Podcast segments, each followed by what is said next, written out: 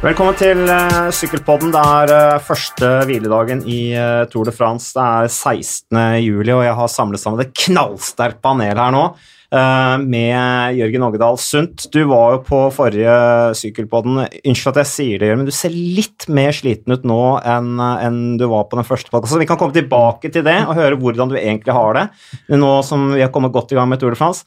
Og så har vi med oss Dan Erik Hansen, som som er uh, sykkel... Uh, du er jo en skikkelig sykkelbohem. 29 år gammel, uh, fra Kongsvinger. du er ny på Sykkelpodden, men du er godt kjent i det norske sykkelmiljøet. Og i vinter Det er litt gøy, Dan, for i vinter så dro vi inn det vi trodde var landets største sykkelinfluenser, Jonas Strømberg, og var veldig stolte av det. For det var en egen reportasje i Aftenposten om influensere, og da var Jonas Strømberg en av de.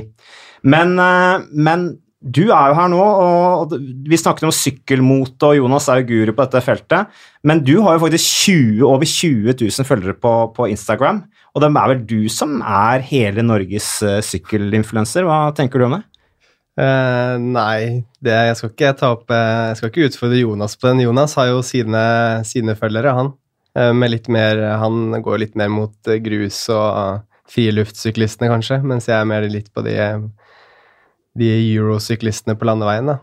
Hvite sokker, som det har blitt diskutert om her i poden før. Ja, vi er opptatt av sokker, vi er absolutt det, og der, er du, eh, der går jo du foran, selvfølgelig. Du har jo også din egen eh, blogg, danerikhansen.com. Er mye på Mallorca, trener med ulike proffer, og i 2017 så sto det en stor sak om deg i Dagens Næringsliv med følgende tittel Jakter sykkeldrømmen på sparebluss. 25 euro i uken til mat. Nå er det jo litt bedre, for nå har du jo over 20 000 følgere på Instagram. Ja, men eh, budsjettet er nok eh, omtrent det samme på Mallorca. Ja. Eh, på, på, mat, da. men sånn, det er jo billig å bo i Spania. Ja, men det er bra. det er bra. Ellers har vi med oss også uh, hyggelig at du kunne komme, Geir Stian uh, Orsten Ul Ulstein, Ulstein, Ulstein. som, uh, som har tatt, hele veien fra, tatt turen hele veien fra Sørlandet. Du er her Vi skal også spille en egen podkast med deg rundt dette med historien til Tour de France. Du er sykkelforfatter og sykkelhistoriker. Du har vel hovedfag historie, har du ikke det? Så du, er, eh, du, kan alt om, eh, om, sykkelhistorien og alt det dramatiske rundt eh, den. Så Og du kommer hit for å prate om boka di 'To død Frans', som vi skal snakke om etterpå. og Jeg syns det var litt synd at du skulle sitte på gangen og vente når vi har sykkelfest her inne. Så hyggelig at du også kunne være her. Eh, men uh, Tour de France, første hviledag. Toren Touren så langt. Tourmanager-spillet først Touren. Hva er inntrykkene så langt, Jørgen? Jeg følte at veldig mye endret seg i går, da. fordi før i går så Thibaut Pinot har aldri vært han jeg har hatt mest tro på, men hele første uken så følte jeg at han var, han var veldig rolig. Hadde jo noen sånne småuhell på noen etapper, bytte dekk og sånt, men som skjæra på tunet og virka veldig lite stressa. Uh, hang bra med den første fjelletappen og uh, ekstremt god lagtempo av Frans Edersjø. Og tenkte jo det at uh, før i går så, så det jo an til at han maks ville ligge 40 sekunder bak uh, Jeren Thomas da, etter den individuelle tempoen. For det virker som han hadde mye selvtillit også på temposyklinga fra lagtempoen. Og så får du den etappen i går, da, hvor du får 1,30 i sekken omtrent, og du vet at nå kommer det til å være over 2,10 bak etter tempoen. Uh, og en, går jo inn med en helt annen følelse, da. Uh, uh, Fuglesang kommer til å være han tappte, Fuglesang tapte jo med tre minutter omtrent på Thomas på tempoen i fjor, han, på ca. samme avstand. litt flatere i år, da. Det tror jeg er fordel Thomas, egentlig. men så han også kommer jo til å være fem minutter bak. Det er mange av de rytterne som skulle være oppe der da, og, og stikke kjepper i hjulene for Ineos, som nå allerede nå er ute av det, uh, egentlig, da, før det har begynt. og uh, Lotto Jumbo, kjempetor og egentlig strålende kjørt, men hvordan de klarer å sette George Bennett til å hente vannflasker i går når de skal inn i sidevind, altså det er jo en sportsdirektøravgjørelse som eh, rett og slett ikke hører hjemme. Og det kom vel inn i, feier vel inn i, i, rekken til den blemma de gjorde i giroen, hvor de stoppa for eller hvor direktøren stoppa for å tisse akkurat da når eh, de trengte sykkel som mest med godeste Det er Kreuzberg som gikk i snø? Nei, ikke, ikke Kreuzberg. Jeg tenker på altså Eh, Roglic. Roglic, ja. nå, Når Roglic hadde Mm. mekanisk trøbbel. Ja, Eh, så det var jo uh, så det var, det var en tabbe. Jeg har sett noen kommentarer forresten fra, fra Bennett på det, at eh, de hørte hverandre musikk på radioen, så han sluppet seg tilbake i bilen, henta flasker. Når han var der nede, så hadde de ikke skjønt hva han gjorde der, for det var visst ingen som trengte flasker likevel, så han henta de, og på vei opp Som vi jo så bilder av, hvor han hadde liksom ryggen full av flasker, og de datt jo rundt, og det var helt kaos, og feltet bare straks han skjønte at han hadde gjort en kjempetabbe. Så det er jo sånn som eh, skjer, og det var en, eh, definitivt en, en eh, tabbe. Men eh, Dan Erik, eh, hva syns du om uh, toren så langt? Nei, det har jo vært, eh, har jo vært action, da. Eh, Folk eh, klagde litt i starten på at folk skulle spare mye krefter og sånn, men jeg syns jo det har eh, jo det har gått unna, jeg. Ja. Det er jo klart, eh, det, det eskalerte jo i går eh, med noen som bomma litt i en rundkjøring, og så var de plutselig i bakre gruppe, og det ble kjørt bånn gass. Og sidevind, det er jo det er noe av det vakreste med sykkelsporten. Eh, for det du plutselig er der, og så blir det kjørt. Så eh, når du først satser, så kan du ikke gi deg heller. Det er deilig de bildene når du ser liksom à la Philip og Viviani i front der bare trøkker til. Da skjønner du at det blir eh, kaos bakover i, i feltet. Ja, det er nydelig å se på. Det er jo fortsatt gode minner fra jeg vet ikke hvor mange år siden det er, jeg, med Froome i gult og Sagaen i grønt, når de stakk fra på slutten. Ja, det var NIM-etappen, var det ikke det, Jørgen? Som vi Eh, snakka litt om. Jeg tror, tror det var det. I hvert fall så Sagaen, er, Sagaen inni oss, eller tidligere Sky, går jo aldri feil. da. Og, og jeg synes jo det som var så interessant i går, og er sånn, det oppsummeres veldig bra EF prøver to minutter før, får det ikke til, og så kommer de lagene som kan det her. Da kommer Quickstep og inni oss, og så tar vi så trykker den pedalen litt hardere i bånn, og så timer det litt bedre, og vish, så er alle borte. Så det handler jo om at dette er jo også noe man kan øve mye på, men jeg tror det er noen lag som er flinkere til å øve på eh, dersom, atte som tilfeller, og kanskje inni oss er helt eksperter på det. Så når Jeren Thomas har havnet bak her eh, på denne etappen? De har jo tenkt at det kan skje. De har sikkert øvd på det. De har sikkert øvd på at Kwiatkowski skal være mekaniker og skru på sykkelen og få han opp igjen. Altså det, de har jo tenkt ut Én er nede, alle slipper seg ned. Ser du andre lag har sånne problemer, så er det fortsatt litt sånn hm, Hva skal vi gjøre? Skal, skal alle ned? Skal noen prøve å sitte med? Men de, de er enige om i forkant hvis det skjer, så gjør vi denne løsningen. Uh, det synes jeg blir veldig tydelig. da. Men tror vi at det handler om øvelse? Tror du ikke det har bare noe med sykkelhodet å gjøre? Direktørene som sitter bak, forberedelse eh, EF Education gikk til. Kanskje har de ikke motoren i laget til å gå til hardt nok. Kanskje gikk de til i tillegg til på feil tidspunkt. Eh, at det har litt med det å gjøre.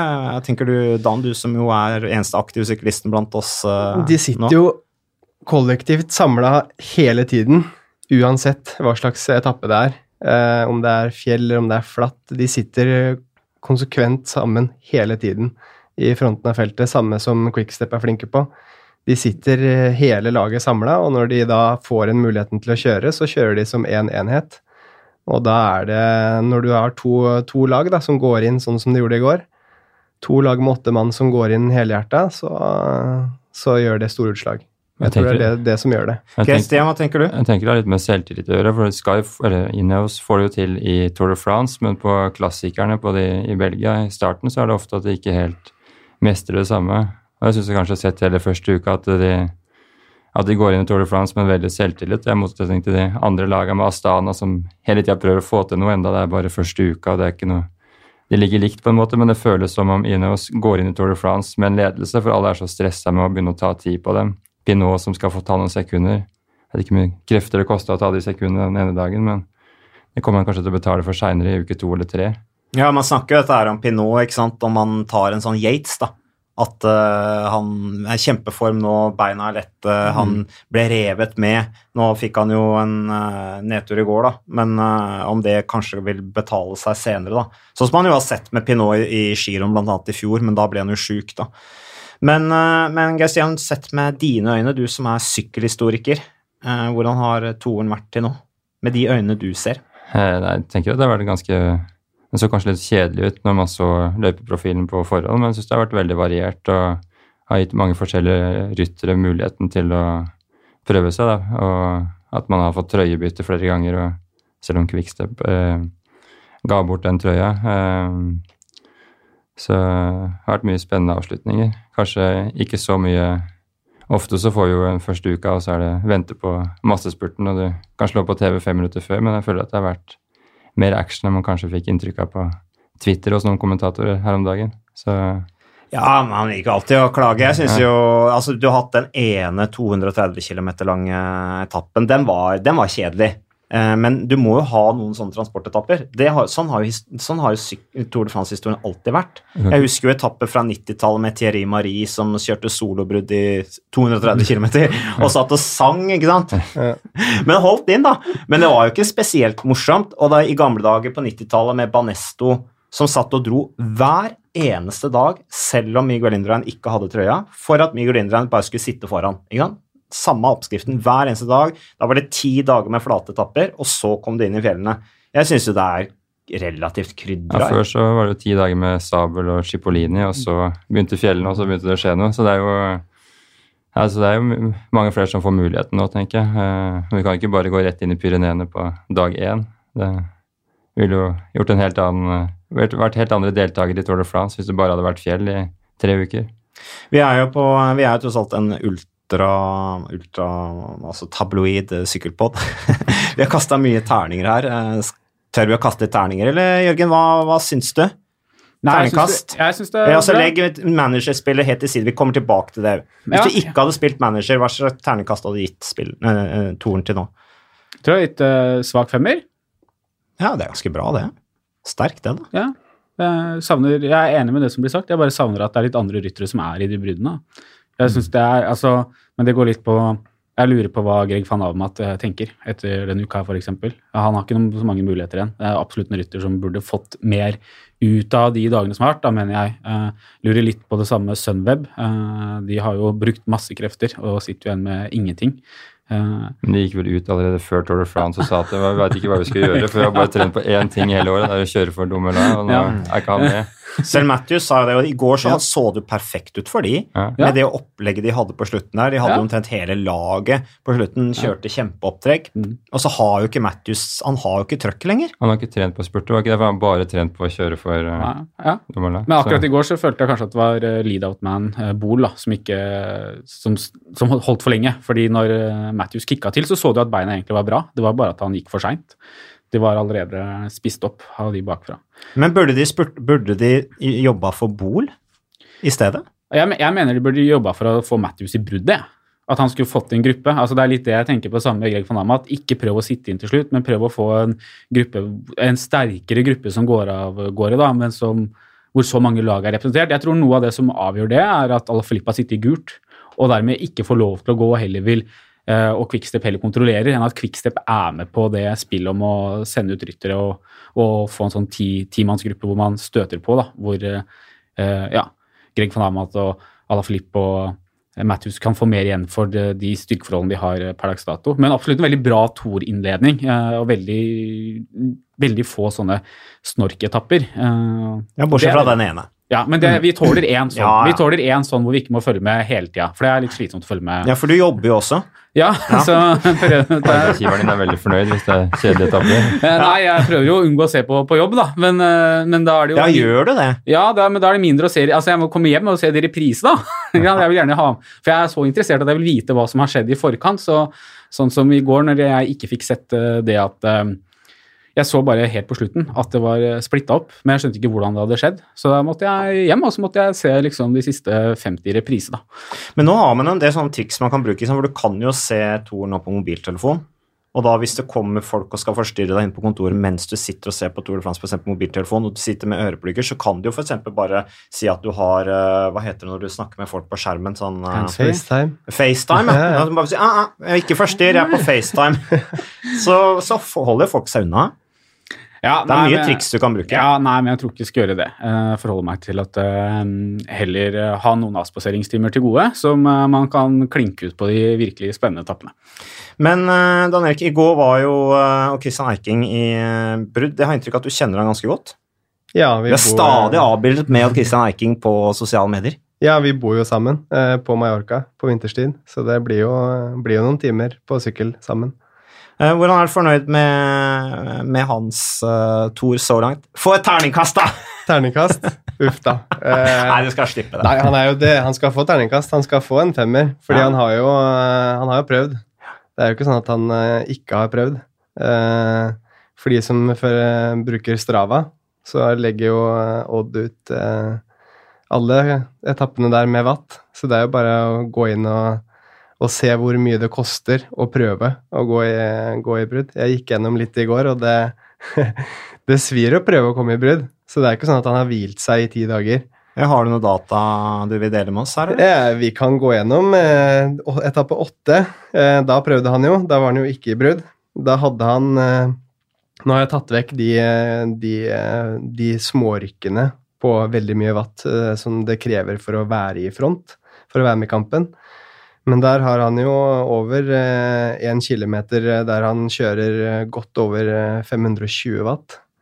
Altså det er jo da over 8 watt per kilo eh, i et bruddforsøk. Mm. Og da er det vel 8 watt per kilo, ja. Ja, Mm. og da går du unna.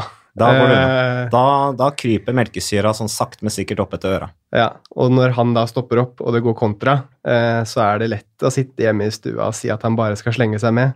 Men, eh, men da kjenner du det i låra, så du trenger en liten pust i bakken da før du går på nye støt. Og så har han jo eh, på etappe ni, der òg var han jo veldig aktiv. Der har han jo òg en kilometer på gode 420 watt, før han går nesten rett inn i en ny en. eh, En fire kilometers drag på 450 watt.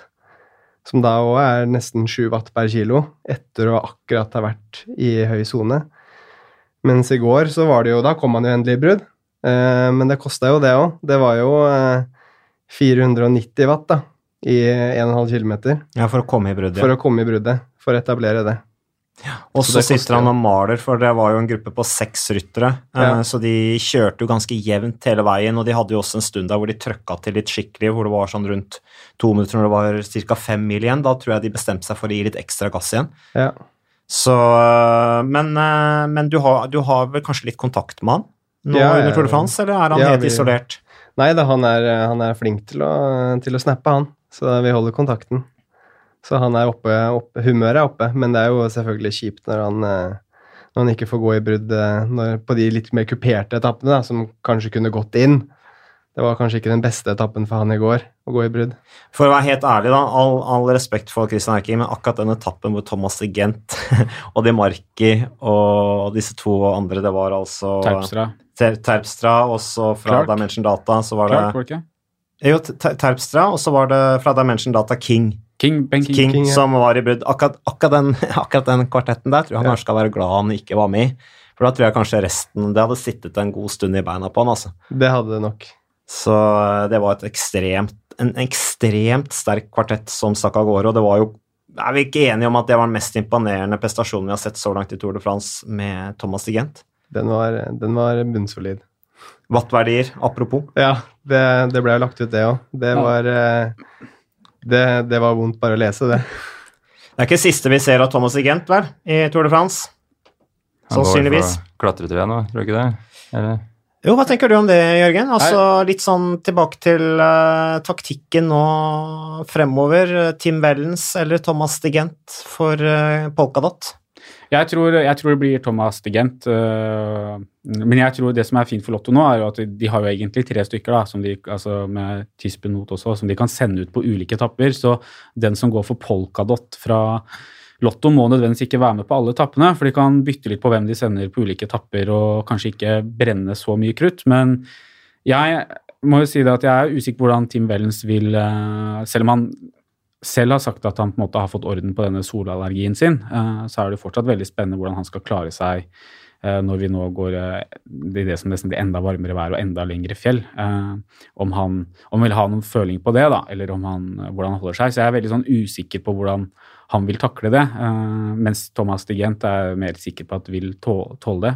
Men jeg tror kanskje ingen av dem ender opp med den, da. Men Nei, det blir jo litt spennende å se. Det får vi se. Vi kan komme litt tilbake til det. Litt sånn generelt, eh, Jumbo Visma. Eh, Visma er jo norsk sponsor, de kan vi jo trygt si har allerede fått igjen for den eh, investeringen. De gliser som bare det.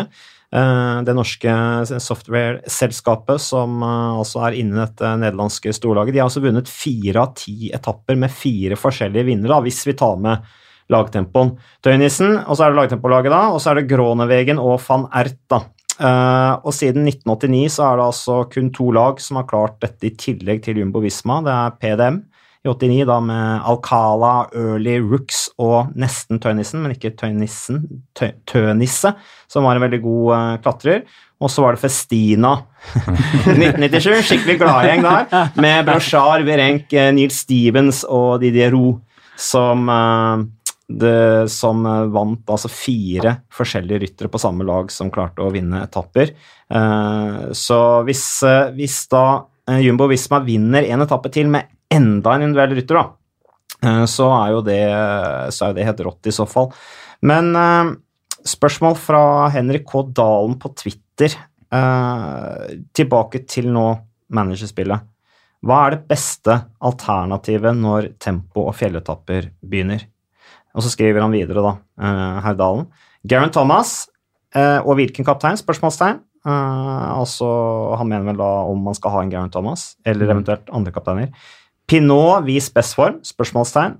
Uh, Bernal Chicone, eller er det en der ute som ikke har vist hva han kan enda? Og så skriver han videre Bennett og Wellens, i og med at T og V, Thomas og Wellens, da, kommer til å gå for polka. Vi har akkurat vært inne på det, så det trenger vi ikke å svare på. Men uh, hvem er den beste kapteinen fremover, uh, tror vi? Hvem, hvem, ser sterkest ut? Hvem har du på laget ditt fremover, uh, Jørgen, hvis du vil dele det, da?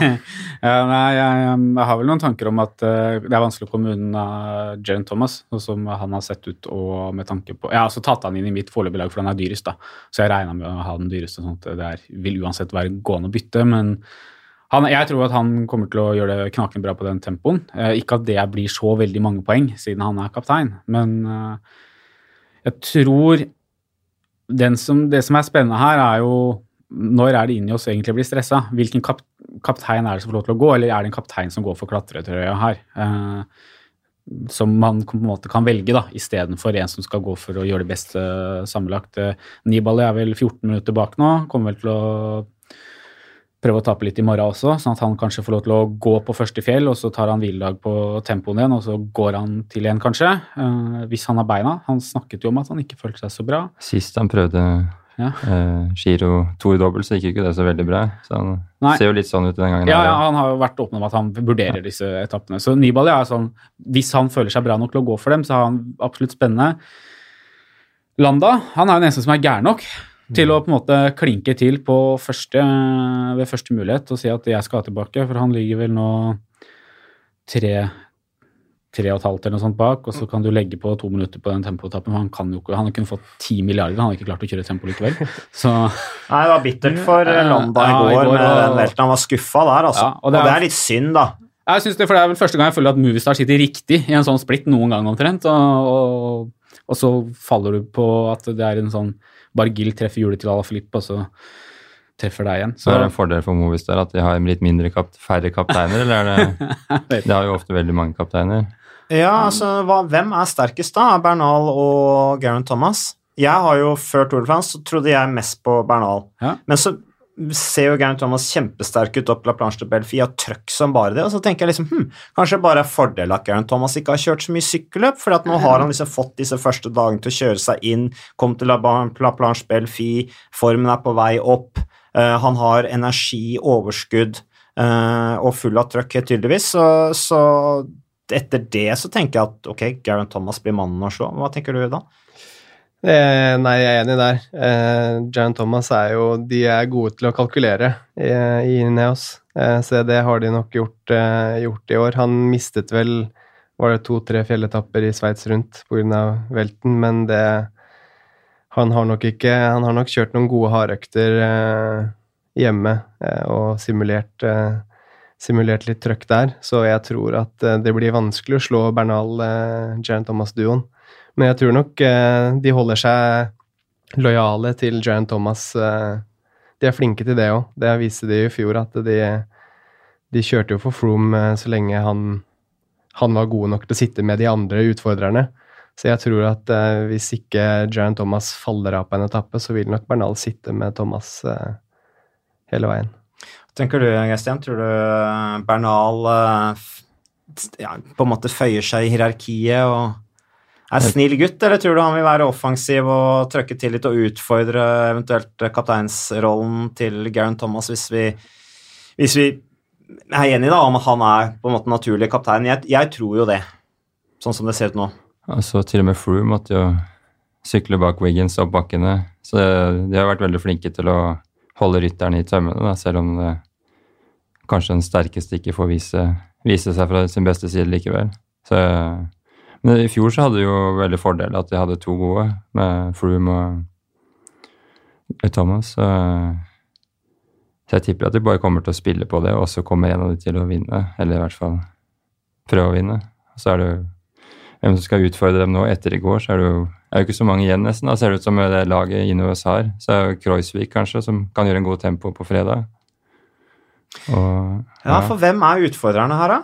Nei, Jeg føler jo at den største utfordreren til Jane Thomas er Bernal, og den største utfordreren til Bernal er Thomas. ikke sant? Eh, for det er den tempoen. når man glemmer, Jeg tror man glemmer det hvor mye det har å si. Da. Han sier at det bare er 27 km, men Steven Kreuzweig, da, som man, sånn, er en god, egentlig OK temporytter. Tapte altså 1 12 minutt til Jaren Thomas på en tempo som var eh, 4 km kortere i fjor eh, i Tour de France. Så det er, liksom, er, det, er det som er forskjellen her. det ser ut som han har fått litt opp dampen ja, med kanskje, Dauphin og, kanskje han, trener med de gode ja, på tempo. Så. så. kanskje han kanskje klarer å holde det til minuttet, da, men utfordringen blir at veldig mange av disse som er de nærmeste utfordrerne, eh, Uh, vil kanskje være to minutter bak uh, når vi kommer til fjellene. Og, og, og, løsningen til Ineos og Sky har alltid vært da ok, du får gå.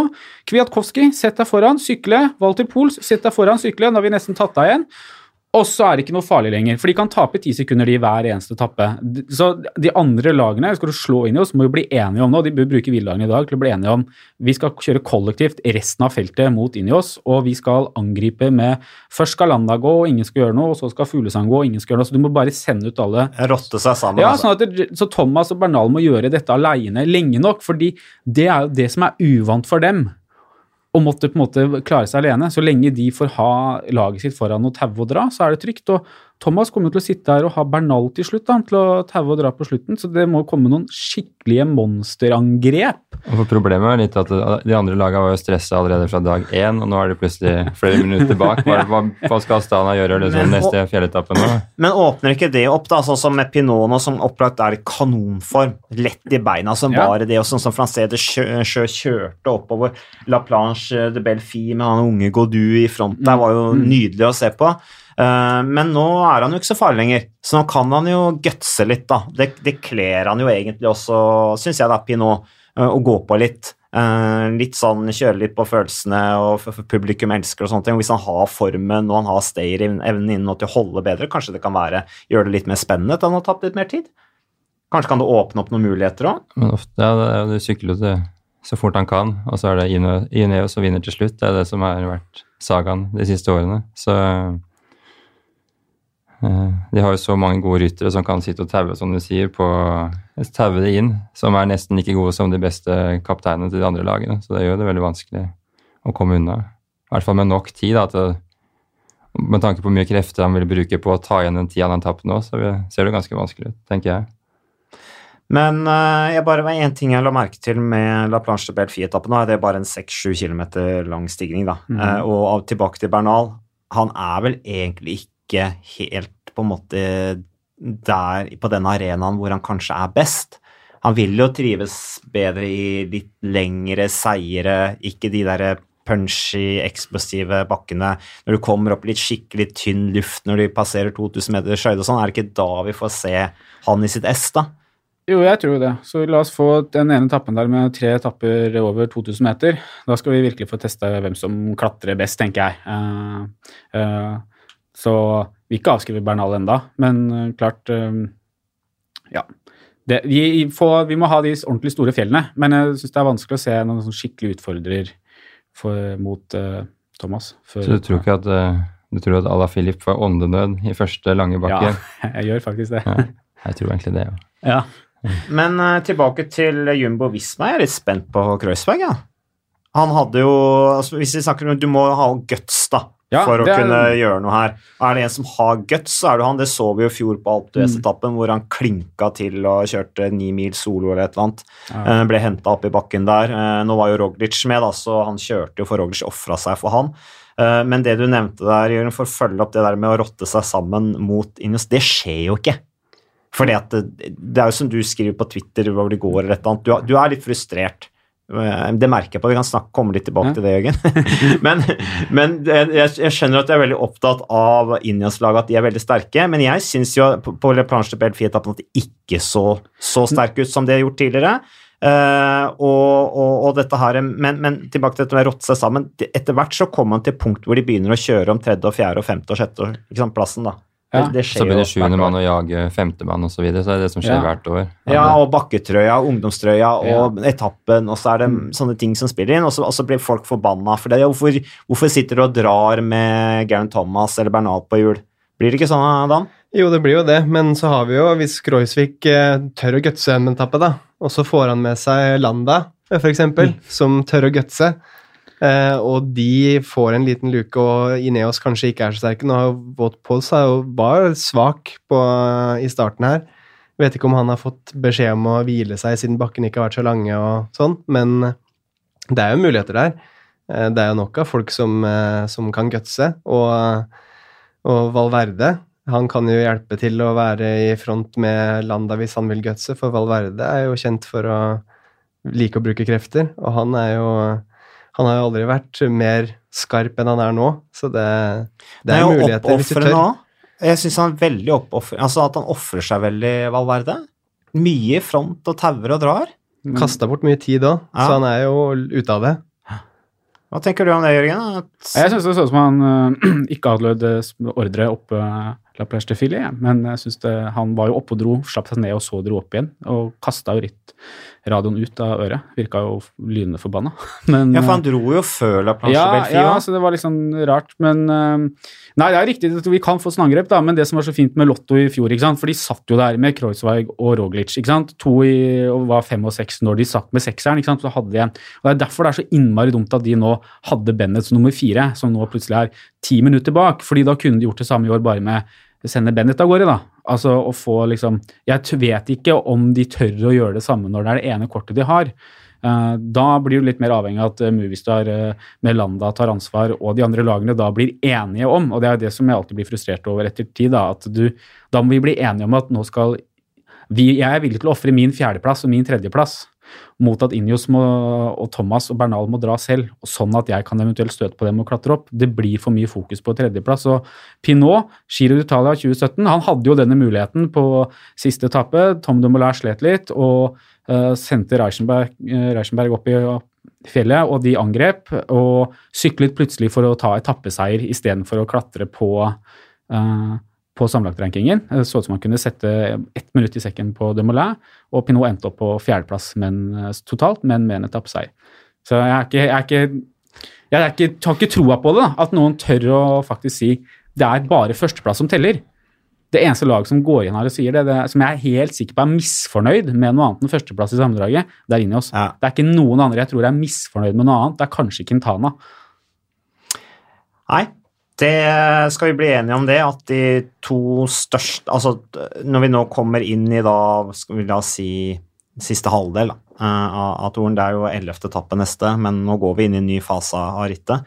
Skal vi bli enige da om at Bernal og Thomas er de to største favorittene, og bak så har vi ikke peiling på hvem som kommer til å hevde seg, eller For det, det er fremdeles ganske åpent. Det er fremdeles åpent, så jeg tror det er de to som skiller seg ut, da. Og så er det Så får vi håpe at gjengen bak har fått litt eh, baller siden, i- siden i fjor, og tørr. Quintana, for eksempel, hvordan ser han ut? Hva vil du si, Geir Stian? Nei, jeg tenker på det, det koster jo så mye med de angrepene for å tjene de minuttene. På 90-tallet så kunne jo rytterne hele tida ta de angrepene og hente seg inn til dagen etter på en eller annen måte. Men eh, nå så koster det jo mye mer. eller man ser Det er mye mer menneskelig. da, Hvis du tar i så mye på en etappe og tjener et minutt, så taper du kanskje tre minutter dagen etter. Så Sånn sett så er det den som kjører mest defensivt, som har fått mest ut av Tour de France de siste åra i sammendraget. Ja, for det ser annerledes ut. øh, syns, altså jeg syns det ser litt altså annerledes ut. Rytterne kjører mer ressurssparende enn de har gjort før. og folk klager over det. Særlig blant en del journalister. liksom, ja, kjedelig og sånn. Men jeg tror, blant norske journalister så er det sånn ja, vi vil ha norske seier, ikke sant? Ja. Uh, og så er man skuffa over det. Og så tenker man vi vil ha overskrifter. Hvor blir det av dopingskandalene? Det har ikke kommet. Og så dette her at vi vil se disse ekstreme prestasjonene, sånn Chiapucci solobrudd i 250 km i fjellene, sånn som vi så i gamle dager. Rasmussen mot Contador som rykker på hverandre når alle, alle andre er utslitte. Og sånt, ja, ja. og gjør det dag etter dag. Men så, sånn er det ikke lenger. Det er litt andre regler som gjelder. De sykler fremdeles styggfort, men de er opplagt mye, de sparer mye mer på, på kreftene. Du er opptatt av watt eh, da, nå er moderne syklist. Hva tenker du? Har, har, har, det endra seg de siste 20 årene? Det har jo helt klart endra seg. De har, jo, de har jo ikke den der vanlige påfyllen på hviledagen som de hadde før. Hvis man går inn og ser på, på YouTube-videoer og leser, eh, leser boka til Mikael Rasmussen f.eks., der han skriver eh, hvilken dager de har fått påfyll, og så går du og ser på YouTube eh, og ser på de etappene dagen etter, da går det jo det går jo styggfort. Eh, Sånn som den etappen du nevnte med Mikael Rasmussen og Contador som støter på hverandre. De kjører jo, de kjører jo eh, altså to-tre mil lange fjell der de kjører 40-20-intervaller hele veien opp. sant? Som en godt, godt trent norsk syklist ikke klarer mer enn Tryvann. Så det er, jo, det er jo godt at det, det går saktere, men eh, altså du må jo tenke konsekvenser, da. Går du fullt ut én dag, så får du igjen for det dagen etter. Det krever litt mer eh, restitusjon og du må kalkulere litt mer, men du har jo fortsatt de fortsatt de rytterne som sykler litt med hjertet enkelte dager. Så vi får håpe at de lykkes i løpet av toren. Thomas Igent er jo et eksempel på det, da. Men det er jo det der når du ikke satser sammenlagt, så blir det en helt annen type Da er det andre regler som, som gjelder. Men eh, Jørgen, tilbake til, uh, til tourmanager. Eh, hvordan, hvordan, hvordan har du det? Uh, nei, det er jo litt sånn resignert stemning på hjemmebane. Uh, jeg tror jeg er sånn 515.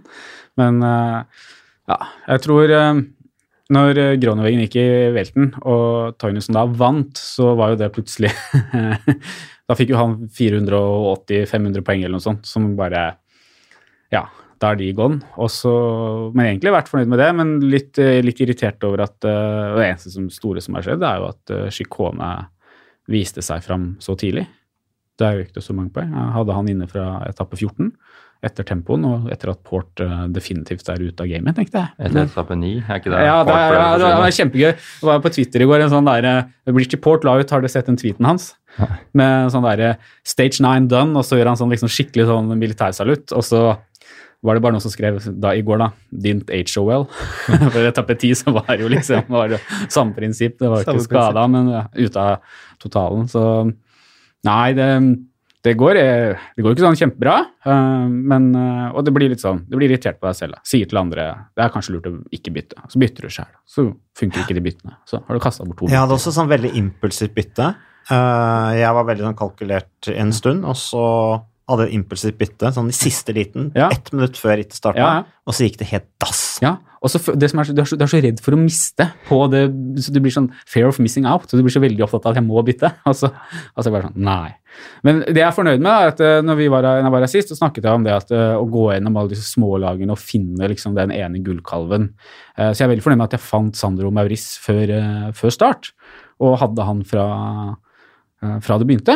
Han har jo plukka jevnt og stadig. Så det er jo bare det at han Toynison som fikk så utrolig mye poeng i starten, som, eh, som gjorde at eh, Irriterende mye poeng. ja, irriterende mye poeng, eh, rett og slett. Eh, Men eh, ja, de som satte inn Chicone, de, de gutsa, og de vant. Og det er kult, det òg. At han eh, å, å stå med han så tidlig. Eh, Særlig etter Giro Italia, hvor han vant bakketrøya. Man skulle tro at unggutten var litt kokt, men han har jo tydeligvis krefter igjen, eller Ja, fått en er- superkompensasjon, da. Ja. Han reiste jo rett i høyden, han, etter Ja. eh, Italia rundt. Eh, så han har jo tydeligvis gjort noe riktig, da. Så gøy, da. Og han kan jo være litt sånn ja, sykle med hjertet, som han var inne på her i, som du var inne på i stad. da. Eh, ja, så Nei, det, det er bare å ta seg for de som tok inn han. Men når du er nummer 515 nå, Ja. sammenlagt, i Storligaen, eh, i forhold til Du har en fjerdeplass, du har en førsteplass. Er det da Er du innafor? Kan du vinne nå? Nei, det, det, det går ikke mer på plass, da. det går mer på poeng. Det er vel, jeg tror det er 1400 poeng opp til de som leder. og det, det, Uten de dårlige byttene så kunne du kanskje klart det med litt flaks. Men de har De har bare to bytter mer enn meg. Eh, og da skal jeg treffe innmari godt eh, på, på, resten. Så jeg tror, uh, tror, det er kjørt, da. Men det gjelder jo ikke å gi opp. Det gjelder jo altså Chicone og Dylan Toynes tok vel Jeg lurer på mange poeng de tok sammen. med. 1500 poeng eller noe sånt. På, så nå leiter du etter en gullkall? Altså. Ja, må leite etter han, du må leite etter den ene da, som kan finne på det samme som de har gjort. Du må treffe, treffer du på den ene, og den personen eller rytteren velger da å fortsette å være det ut, så, så er det gull. Men du ser jo det, Chicone har den kjempetappen, og så er det ganske mange som ikke følger så mye ned på sykkel, og så velger de han dagen etterpå. Og du bare sitter her og tenker sånn Hvorfor? Han kommer jo ikke til å gjøre noe før, uh, før vi sier etappe tolv uansett. Så hvorfor tok du han nå? Du kaster bort uh, på han. Uh, så, men folk fanger jo opp de som gjør det bra. ikke sant? Så det er det som er utfordringen i dette spillet, er å egentlig finne ut hvem gjør det bra før de gjør det bra. Og utrolig frustrerende at uh, Sjakban har hatt en skade i beinet som han har klart å holde helt skjult. Og litt på Twitter så var det sånn derre ja, Hvor blir det av åpenheten, liksom? Ja, ja, eller sånn, Transparent nei, idretten. nei, nei, men på Twitter, på Twitter, så var det en som sånn, mente at han kanskje hadde gjort en for dårlig researchjobb, og det var ganske sånn tydelig å si at det tror jeg ikke, fordi du har åpenbart uh, hatt samme analyser som Bukken har hatt. Altså, selv de som setter odds her, har ikke visst om denne skaden, så de har jo gjort en kjempejobb med å holde det, den i sjakk, da. Nå skulle det nesten vært sånne regler som det er på børsen og sånn, at det er liksom krav til åpenhet om alt sånne ting. For nå er det jo så mye sånn bedt betting og greier hvor folk taper penger, og det er jo blitt helt vilt. Gestian, du som er historiker. Jeg har bare tenkte 10 000 sinte nordmenn på Twitter ut mot rytter som ikke skaffer dem nok poeng på Tormanager. Hvem er de nordmennene som driver og sender meg meldinger? det er beintøft uh, miljø, men tilbake til Gullkalven. Ja. Uh, hvordan, hvordan, veien videre nå? Hvem, hvem, hvem, skal inn, hvem skal ut? Hvem, hvis du skal virkelig treffe nå, så hvem, hvem, kan vi putte inn på laget? Er det noen som har noen tanker om det? Dan, er det noen du, er det, ser du noe gull der ute som du tenker at hm, han der der er det ingen som altså den, vanlige, vanlige sykkelpublikum som ikke følger så godt med, de har aldri hørt om han, men han, kom, han har du tro på? Har du noen sånne ryttere? Nei, det blir vanskelig. Jo, du kan jo se på de lagene som har hatt folk mye brudd, da, eh, og håpe at det går inn en dag. Men det er jo jeg tror nok eh, dere har mer peiling på hvem, eh, hvem av de ukjente gullkalvene kan sende ut. Men eh, jeg vet ikke helt hvordan etappene framover heller ser ut. Men det hadde jo vært kult om Wanty, da, eksempel. De har jo vært presentert i alle brudd. Vi har jo ti forskjellige vinnere. Så jeg føler jo det er vanskelig vanskelig å tippe. Det er, det, er en, det er, en, åpen toer så langt med tanke på vinnere per etappe i det spillet der, tror jeg.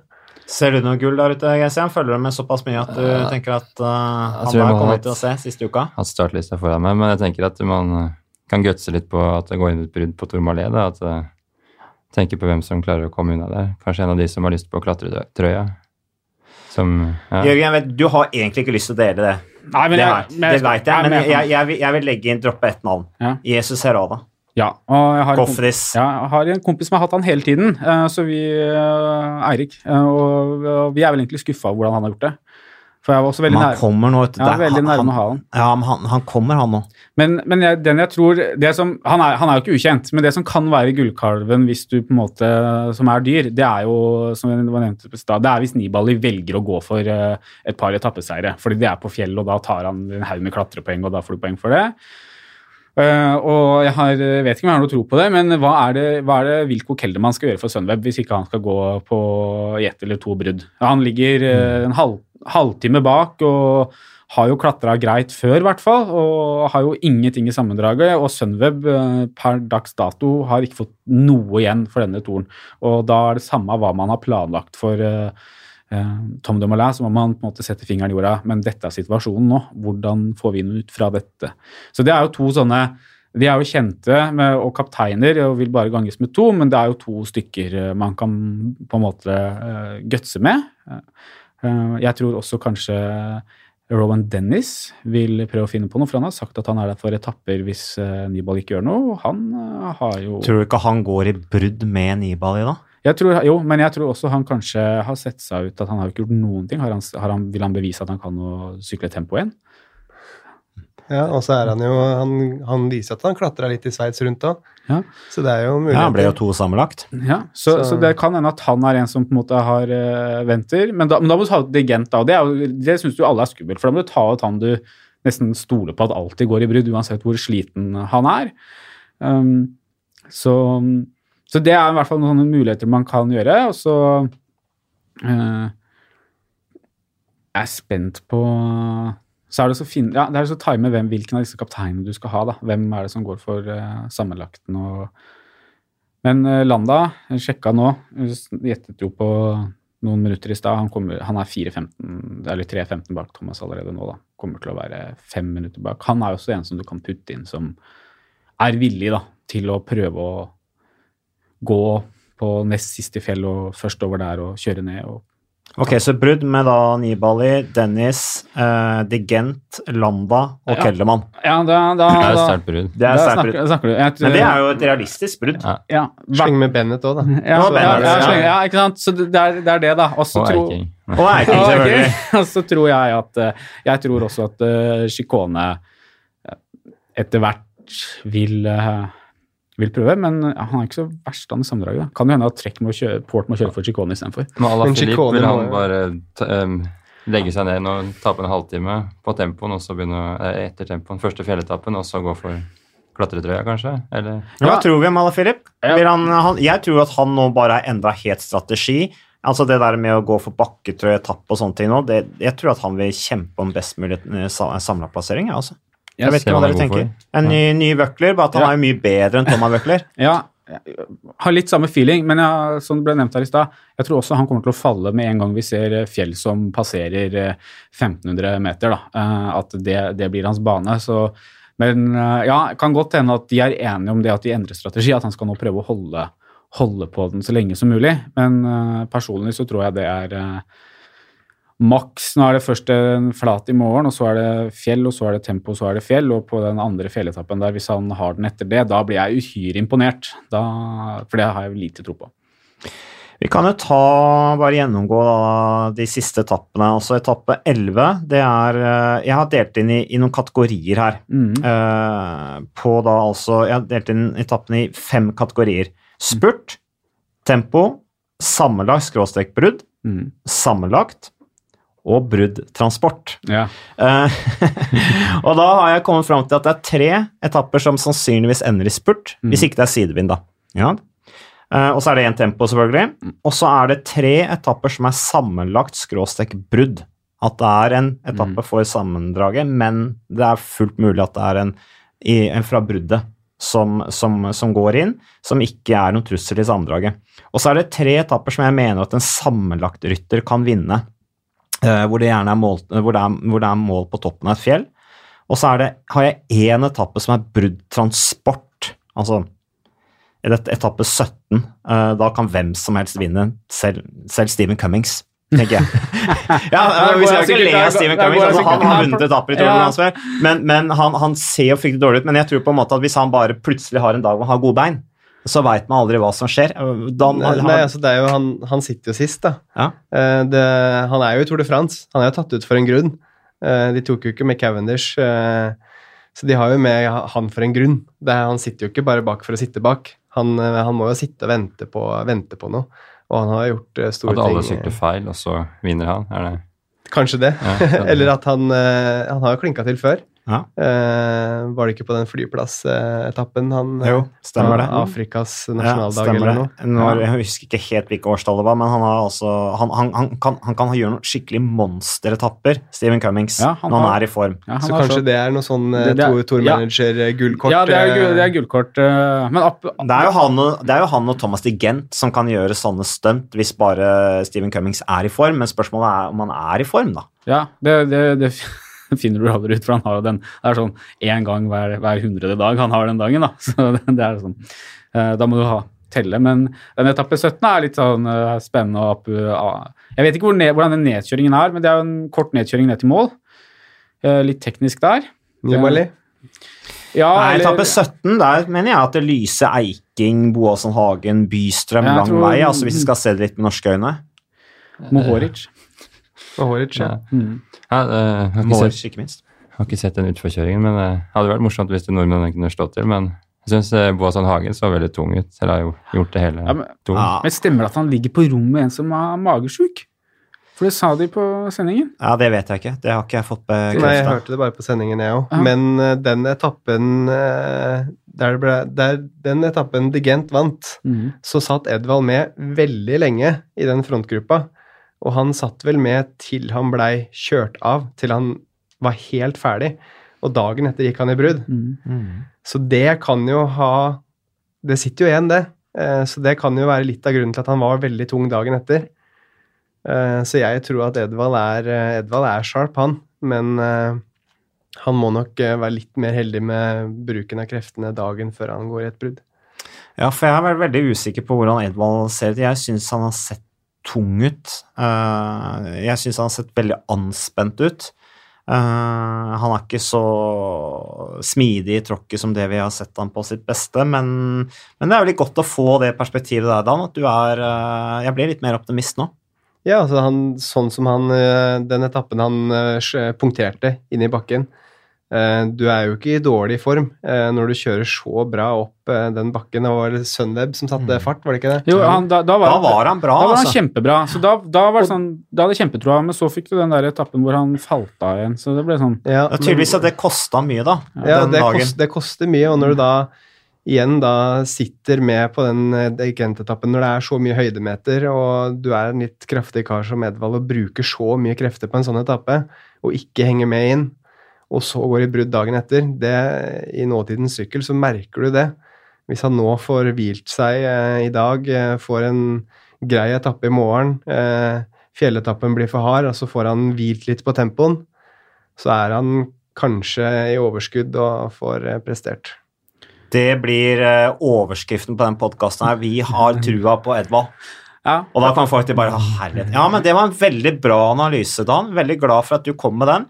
Det var en skikkelig analyse som gjør at vi allikevel ser litt mer positivt. Jeg er helt enig med deg, Dan. Eh, Det har kosta, kosta det der eh, han gjorde den dagen han punkterte der. Så har han prøvd de andre dagene knalltøffe etapper, høy fart, mye kupert terreng. Nå får han hvilt litt, fått tilbake litt overskudd, og så er han forhåpentligvis tilbake. Du ser litt, men det er ikke, det er ikke helt den samme Edvald som i, i jubelsesongen i Tour de France. tenker jeg. Der var han mye mer aktiv i flere etapper sammenhengende. Så jeg tenker at han ikke har helt den samme styrken som den gangen i Sky. Nei, det har han vel ikke. Samme killerinstinktet, det, det ser vi at han ikke har, men uh, han, uh, han har jo etapper der han tar det fram og glimter til. Men killerinstinktet eller grunnformen? Grunnformen, den, jeg tror den er der, altså. Eh, eh, og når han eh, har en dag der han føler det, det Der han har diamanter i beina, da, da tror jeg det skal bli vanskelig å slå han på en etappe. Vil du sette han inn på laget ditt, eh, Jørgen? Nei, ikke sånn i utgangspunktet. Kanskje til den etappe 17 hvis det skulle gå opp, men, men jeg syns jo hele Team Dimension Data ser helt ubrukelig ut. Jeg, altså, jeg skjønner ikke hva Det laget og Katusha, altså de, det, er, det er så lite spennende uh, de har å kjøre med. Og når du ser uh, Valgren plutselig er hjelperytter, så har han en kjempedårlig sesong, og det bare fortsetter i Tour de France. Altså, de får jo ingenting ut av de, uh, de rytterne de har. og Edvald og killerinstinktet tidligere i Tour de France når vi går mange år tilbake, ja, jeg er enig, jeg er ikke der. Men jeg mener jo at uh, Edvald sitt killerinstinkt det er best når han eh, er i samarbeid med Brian Holm, og når han ikke er i det, så, så, så går det alltid litt ned. Så jeg savner jo Jeg vil jo ha Du vil ha han inn på quickstep? ja, jeg vil, ja, jeg vil ha han sammen med Brian Holm, og det har jeg ment hele livet. at Det er det eneste han burde forholde seg til hele karrieren, er å ha han som sportsdirektør. En som virkelig tror på deg og, og gir deg boost. og for meg så er fortsatt de beste minnene uh, med Edvald. uh, Edvald som kjempeung i HTC Colombia og angripende i Giro d'Italia, uh, når han vant noen etapper der. Bare i klinka til og også den her Tour of Britain-etappen hvor han går en kilometer fra mål eller sånt. Og bare Han går vel flere ganger. Ja, ja, ja, ikke sant? Altså, det, det er den Edvald jeg på en måte jeg, den, den rytteren man kanskje trodde han skulle bli som senior òg, hvis han hadde satsa på det sporet. Og så har det vært litt andre ting underveis, da. Så jeg savner det Nedvald. Og selv om han sikkert har uh, vært sliten, så, så tror jeg da at uh, på på den tida så hadde han, hadde han klart det å være så sliten og være med over den uh, etappen hvor han falt av i bruddet. Men det er litt problemet også at han alltid blir sammenlignet med seg selv. Han lever i sin egen skygge, på en måte. Ja. At han var jo så god som ung, og så Ja. Så kan du prøve å ikke dårlig, han gjenskape er jo ikke dårlig nå er heller. veldig Det er jo, det er jo Tour de France. Det Ja, er jo, det er jo verdens største sykkelløp, og det er jo ikke veldig mange i Tour de France som er der eh, for å bare være der. Nei, altså, men han blir sammenligna med den starten på karrieren hans som var helt lysende. Så det er sikkert vanskelig å Nei, Det er et godt poeng, Dan. Uh, Tour de France er, uh, det er nivået høyere enn noe annet sykkelløp. Sånn er det bare. Um, og det, det er jo Tor Huså ganske opptatt av òg, at nå er det Tour de France. Eh, jeg så litt på Eiking. eh, han har jo kjørt en del World Tour-ritt i år, men for han også vil jeg tro at dette her er litt sånn Litt sjokk, faktisk. Ikke sjokk, kanskje, men han har kjørt Spania rundt tidligere, og han har kjørt ikke sant, Han ble 15 i Catalonia rundt i år, så han, han, han har på en måte kjent på World Tour-nivået. Men eh, jeg tror du blir litt ekstra herda når du har vært igjennom Tour de France. Altså. Jeg vet ikke om du har uh, hatt noe kontakt med han rundt det? Nei, det var jo rett før han skulle ned. Så var jeg i Bergen og trente med han de siste øktene der, og da var det jo eh, Han var spent på det rundt. Eh, for det, det er jo det Tour de France er. Det er jo ikke bare et sykkelritt. Det er jo det at det er noe rundt hele tiden. Eh, hver dag så er det noen som skal ha tak i deg før og etter etappen. Det, det, det blir jo en helhetlig press. 24-7. Så det er jo ikke bare det å klikke inn pedalene og trå. Eh, og når du gjør det, så, jo, så er det jo verdens største sykkelritt med verdens beste syklister som er toppa formen. da. Det er jo det viktigste rittet for uh, nesten hele feltet der. Uh, så det er jo Presset i tre uker er hardt, altså. Ja, det blir spennende å se. Uh, nå, er det, nå er altså Gjenstår det altså da ti etapper. Og det er eh, interessant å se hvem som kommer til å stå på toppen til slutt. Skal vi bare si Skal vi velge én mann? Hvem tror, vi, hvem tror du vinner, Jørgen? Bernal. Ok, Dan? Thomas. Ok, Okay, Stian? eh, Thomas, tror jeg òg. Litt sånn motvillig, men ja. Ja, da tipper jeg Kreuzberg. Så det, Jeg håper du har rett, bare husk det. rett. Husk det, ja. Husk det. Jeg har, jeg har hatt han på laget, ikke managerlaget mitt, hele veien, og jeg går for han nå. Uh, ellers eh, får vi norsk etappeseier, uh, Dan. Uh, ja. Kristoff. Og hvilken etappe tror du det blir, sånn cirka? Siste. Siste er i Paris. Ja. Hva tenker du, Jørgen? Nei, det får vi dessverre ikke. Nei? Geir Stian? Var det ikke på eh, etappe 17 det var litt utfor uh, Bystrøm der, da, til å kopiere VM-gullet? Ja, spennende, spennende antakelse. Så uh, hva med Fuglesang? Ender han på pallen? Fuglesang, dansken. Jeg håper jo det. Eh, det er vel kanskje mest av hjertet, men det hadde jo vært, det hadde vært vakkert. Hva tror du, Har du noen tro på Folsang? Vi må Nei, det hadde jeg ikke jeg var her forrige gang heller, og det syns jeg har fått bekrefta hele første uka. Så Ja, han er veldig god på én dag, men han klarer alltid å finne problemer hvis det er mer enn én dag. Så han har jo vært i asfalten og bak bak i vinden i går, og, nei, så jeg tror ikke han kommer på pallen. Astana er jo sterke, men de har også gjort mye rart. De har vært litt sånn Movistar-preg over de, syns jeg. Jobba hardt og fått til lite. Ja, altså, altså sånn, som, sånn som i går, da, bare den etappen i går, hvor, hvor, hvor du havner bak i vinden. Du ligger ca. 26 sekunder bak. Så velger Astana å, å sprenge det feltet eh, i den gruppe to opp den bakken, sånn at de istedenfor å være da like mange eller flere som gruppa foran, og liksom da holde det til 20 sekunder, for da kan du egentlig holde det inn. Sprenge feltet, så de er bare 12 sekunder bak, da, men da er de bare ti ryttere igjen. Og bare Ja, alle er bare, bare alle er kapteiner. Så det er Ja. sånn det, du blir sånn, det er jo så lite taktisk, da, istedenfor ok, la det heller gå opp til bikke fra 20 til 30, da, opp den bakken, men så har vi mange nok til å begre, holde det på 30, eller kanskje ta inn lite grann, fordi vi er så mange at vi kan ha flere å gå på her. Så jeg, det synes jeg er, og det, er, det, det oppsummerer synes jeg, Astana sin kjøring. da. Det er, det er mye krefter, men for hva? De satte vel inn farten noe voldsomt på en etappe her òg. Ja, Det var etappe fem eller noe sånt. Ja, og satte Omar ga seg. Fre- Freiler til å bare det er jo et skoleeksempel på hvordan man ikke skal gjøre det i sidevinden. Når du får panikk i sidevinden, Ja. gjør sånne dumme ting, så er det bare ødeleggende. Du må bruke litt lengre tid, holde hodet kaldt. Ja. Men jeg tror vi lar det være siste ord om den eh, saken, hvis det ikke er noe dere vil legge til. Nei? Da ønsker vi bare alle lykke til videre i resten av Tour de France. Det er fremdeles langt igjen til Paris.